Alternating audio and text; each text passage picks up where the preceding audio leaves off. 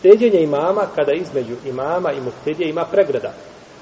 Ima, kada ima pregrada. Dozvoljeno je muktediji da klanja iza imama, koliko god bio daleko od imama, sve dok su safovi spojeni. Znači, tu nema posebno razilaženja, recimo kao u Mekke, kada dođete, ponekad znaju safovi biti za vrijeme hađa po 500 metara u ulicama, uvučeni. I sve je to spojeno sa čime? sa spojeno je sa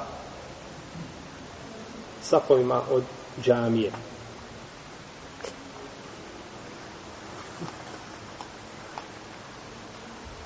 Pa je dozvoljeno da se klanja tada iza znači imama.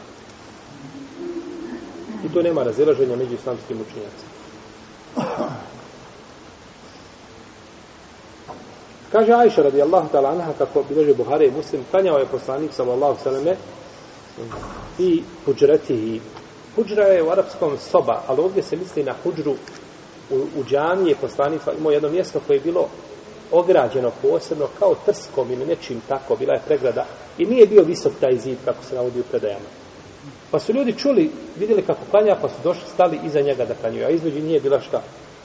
Pregrada. Bila između njih je bila pregrada. I kaže Džebele tu ibn Sulejman, vidio sam Enesa ibn Malika da klanja u kući Ebu Abdillaha i vidio je, kaže, džamiju odatle, znači bio blizu džamije, bio daleko, i odatle iz te prostorije su bila vrata do džamije, a on je, kaže, klanjao tu i iza imama. Znači, između njih je bila šta? Pregrada, bila su vrata. No međutim, ako je između imama i muktedija put ili rijeka, ovaj na jednoj strani, kupali se imam i muktedija. I nisi se mogu dogovoriti na kojoj će strani klanjati. Imam ode na jednu stranu, a muktedija ostane na drugoj. Imam na jednoj strani, a džema cijeli na drugoj. Gdje će stati? U stvari mogu li oni klanjati za tim šta imamo? Kaže imam Ahmed po jednom rivajetu da ne mogu i to je mišljenje Ebu Hanife. Ebu Hanife kaže nema tog džemata. Ne mogu. Dok kažu Maliki Šafija da može. Allahu Teala Alem da je mišljenje Malika i Šafije i Ahmeda po drugoj verziji ispravnije. Jer nema ništa što brani. Jeste suprotno sunnetu, to je svakako. Jer je došlo kod Ebu Davuda u njegovom sunenu, predaje da je poslanik sa osvijem rekao sporavnajte sa povezbite kaže vokaribu bejneho vokaribu bejne suhu zbijite sapove i približite ih.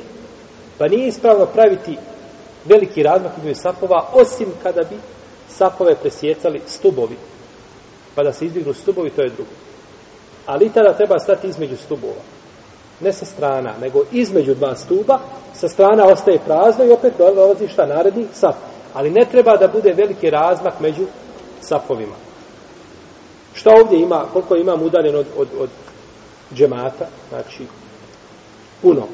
Kaže Hasan el Basri, kako bilježi Buharija u svome sahihu, nema smetnje da klanja imam na jednoj strani, a džemat na drugoj strani rijeke. Ovo je svakako pod uslovom da čuje imama, da vidi njegove pokrete, čuje tekbire, da vidi njegove znači pokrete i da postoji nekakav razlog, jer je poslanik sallallahu alejhi ve sellem rekao u hadisu koga bilježi ima muslim